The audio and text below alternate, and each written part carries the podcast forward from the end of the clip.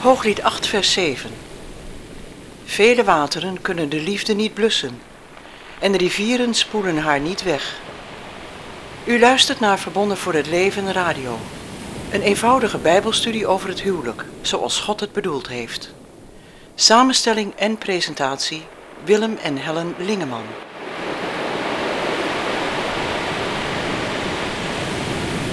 De vraag die we in deze uitzending willen behandelen is de volgende.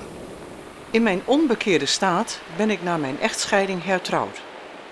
Nu ik tot levend geloof gekomen ben, zie ik op grond van Gods woord in dat mijn tweede huwelijk tegen zijn wil is.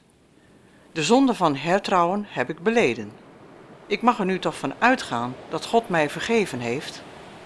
Allereerst dienen we op te merken dat er onderscheid is tussen in zonde vallen en in zonde leven. Paulus zegt in zijn brief aan de Romeinen het volgende: Romeinen 5, vers 8.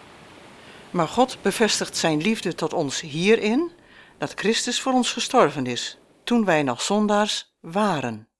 Toen wij nog zondaars waren, verleden tijd.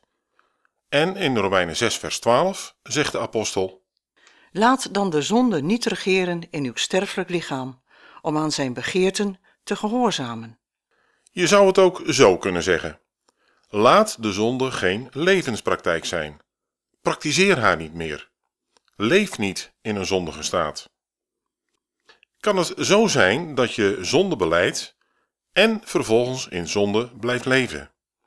Vaak wordt gezegd: God is groot, barmhartig en genadig. Hij is een God van nieuwe kansen. De praktijk van hertrouwen is dat God een God van heel veel kansen is. En dat men voor de tweede, derde of vierde keer naar het gemeentehuis kan gaan. Bovendien krijgt een stel in hun kerk of gemeente ook voor de tweede, derde of vierde keer een zegen over hun relatie, nadat ze opnieuw een belofte van levenslange trouw hebben afgelegd. Is het geloofwaardig dat je de Heere God je voortdurende zonde van diefstal beleidt, terwijl de jutezak met daarin een breekijzer en een staaflamp bij de voordeur klaar liggen om de komende nacht weer het inbrekerspad op te gaan. Worden Gods genade en barmhartigheid en Gods geboden zo niet tegen elkaar uitgespeeld? En is deze benadering geen vrijbrief om met een beroep op Gods karakter al zijn geboden terzijde te leggen? Paulus schrijft aan Timotheus dat zij die in de gemeente in zonde leven, bestraft moeten worden. Het moet als een waarschuwing voor een ieder gebeuren in het bijzijn van de overige gemeenteleden. 1 Timotheus 5, vers 20. Wie in zonde leven, moet gij in aller tegenwoordigheid bestraffen, opdat ook de overigen ontzag hebben. Hier zien we het principe van het in liefde op elkaar toezien, elkaar vermanen als iemand van ons in zonde leeft en daarin volhardt.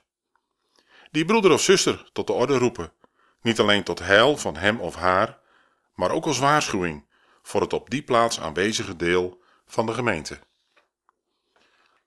Naast dat in zonde leven, kunnen we ook in zonde vallen. Ten diepste ongewild en waar je later dan ook in ten spijt van hebt. Een gebeurtenis die je moet beleiden aan God en eventueel aan degene die ermee te maken heeft. Dat is dus niet een permanente staat van zonde, in tegenstelling tot iemand die voortdurend een overspelige relatie heeft.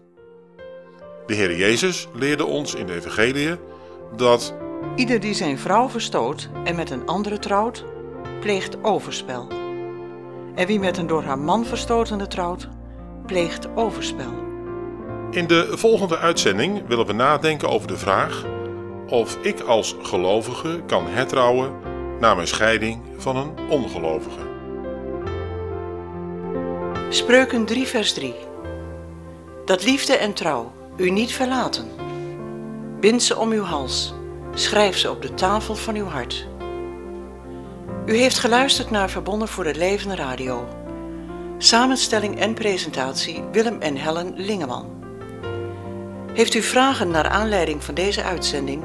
Dan kunt u contact opnemen via het reactieformulier op onze website www.verbondenvoorhetleven.nl of www unitedforlife.eu. Zo de Heere wil graag tot de volgende keer.